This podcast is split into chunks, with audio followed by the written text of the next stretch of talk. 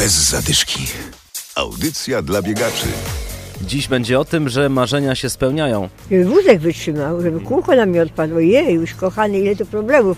Pani Parasolka, czyli Maria Pańczak, weźmie udział w swoim 50. maratonie. Adam Sołtysiak i Adam Michalkiewicz zapraszamy. W zeszłym roku spotkaliśmy się z panią Marią i nagraliśmy krótki film o jej bieganiu. Możecie go zobaczyć na naszym Facebooku. Okazało się, że pani Maria ma na koncie 49 maratonów, ale ze względu na problemy ze zdrowiem nie da rady zaliczyć tego 50.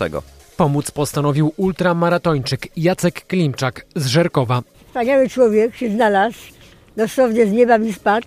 No i cieszę się tak ogromnie, nie mogę się po prostu uspokoić z, tej radości, bo, bo po prostu uznałam, że ten 50 maraton no niestety nie, nie, nie będzie możliwy do spełnienia. Gdyby mi jeszcze raz mi się wy- wyszedł bark, no to miałam rękę po prostu dźwigniętą. I po prostu to jest teraz kalectwo, nie? Wprost brak mi słów podziwu dla trudu, który chce podjąć Jacek, bo przecież pchać przez 42 km i 155 metra wózek to jest ogromne obciążenie, nie? Mój trening wygląda tak. Raz w tygodniu trenuję z wózkiem. Y, Siostra i, i Kasia i koleżanka Michalina y, zastępują panią Marię. Pcham 10 km. Myślę, że jest tyle czasu, że dam radę się przygotować i zejść poniżej 4 godzin. To plan jest ambitny poniżej 4 godzin. Dużo biegam, dużo dystansowych biegów, więc już nie robi na mnie to wrażenia. 150 km przebieg na, z Orkiestrą Świątecznej Pomocy we wrześniu.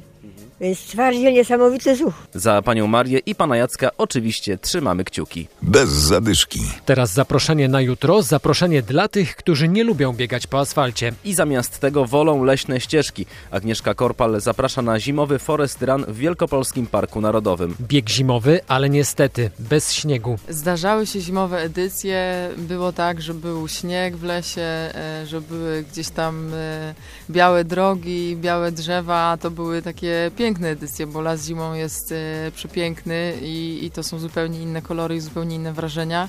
No teraz pogodę mamy taką, jaką mamy. E, Nie wiadomo, jak to będzie. Nie liczymy na białe drzewa i na białe drogi. E, Jest tak, jak jest. Natomiast sama aura zimowa i taka mimo wszystko ciepła atmosfera, nasze ogniska na mecie, ciepłe jedzenie gdzieś tam, to zawsze jest taki ciepły moment w tej zimowej aurze. Trasa jest co roku troszkę inna. Zawsze staramy się, żeby była interesująca, ciekawa w środku lasu, gdzieś jakieś fajne ścieżki wybieramy, na ile to jest oczywiście możliwe pod względem przyrodniczym. Całość zaczyna się na takim parku turystycznym w Mosinie. 400 zawodników biegnie przez przepiękne lasy WPN-u.